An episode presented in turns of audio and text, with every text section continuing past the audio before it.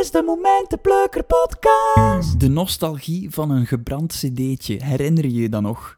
Ik weet nog, ik zat in de middelbare school en eh, bij de zwemles, dat was er altijd zo'n coole kerel en die verstopte hem in het derde kotje, het derde eh, kleedkotje. En daarin verkocht hij dan zijn gekopieerde cd'tjes. En je had altijd de keuze tussen twee of, of, twee of drie cd'tjes. En ik weet nog, ik had de keuze tussen Californication van de Red Hot Chili Peppers en Limp Bizkit.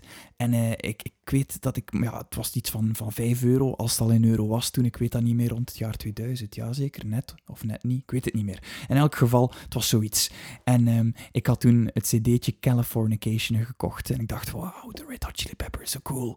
En dan de volgende week had ik weer geld genoeg en dan heb ik ook Limp Bizkit gekocht. Illegaal, illegaal was dat. Maar zo heb ik wel supercoole muziek ontdekt, of toch in die tijd vond ik dat supercoole muziek. Eigenlijk nog altijd. Red Hot Chili Peppers in de max. En Limp Bizkit, wow laat ons zeggen, jeugdzonden moeten er ook zijn.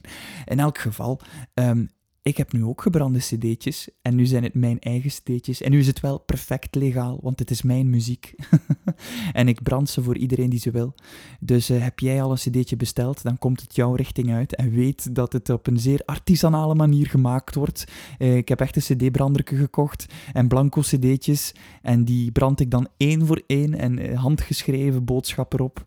Um, dus um, ik luister er nadien ook naar in de auto om te zien of dat ze allemaal marcheren, voor ik ze met de post verstuur.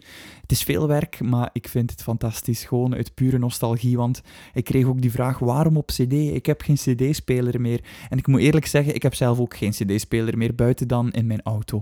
Maar het leek mij een een omslachtige manier, maar bovenal een, een, authentieke manier om mijn muziek letterlijk aan de man te brengen. Ik kon het ook gewoon zeggen van, hey, uh, stort mij wat geld en ik stuur jou de mp3'tjes door, via WeTransfer of zo. Maar deel van de charme um, is, is dat cd'tje krijgen, denk ik. Volgens mij koop je ook meer dan een cd'tje. Je koopt niet zomaar een cd'tje, je koopt ook de, de zorg waarmee het um, opgenomen is. Je koopt um, de moeite die ik erin gestoken heb om dat te branden en handgeschreven te maken. En het ma dat maakt het allemaal ook ietsje unieker, ietsje authentieker dan gewoon via WeTransfer. Want op die manier is het echt letterlijk een beperkte oplage die ik verstuur. Uh, ik verstuur ze ook enkel deze week. Dus uh, als je deze week geen berichtje stuurt, dan heb je geen cd'tje. Zo simpel is het. Het komt ook nergens online. Um, het is gewoon zo'n klein, we zeggen dan, klein momentje. Hè? Het momentje van een week in de eeuwigheid. Um, en voor mij betekent dat wel veel, omdat ik via dat cd'tje mijn volgende plaat uh, deels kan bekostigen. Uiteraard, het kost ietsje meer dan wat ik verdien met deze cd'tjes.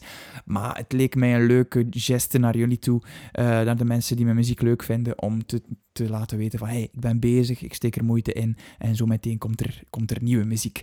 Dus heb je al een cd'tje, you're in for a treat, het klinkt heel leuk. Als je het nog niet hebt, stuur mij een berichtje via uh, Arne van Haken op Instagram of op Facebook. Deel ook deze podcast. Zo kunnen we groeien. En ik hoor jullie graag morgen terug. Blijf momentjes plukken. Bye bye. Dit is de Momentenplukker podcast.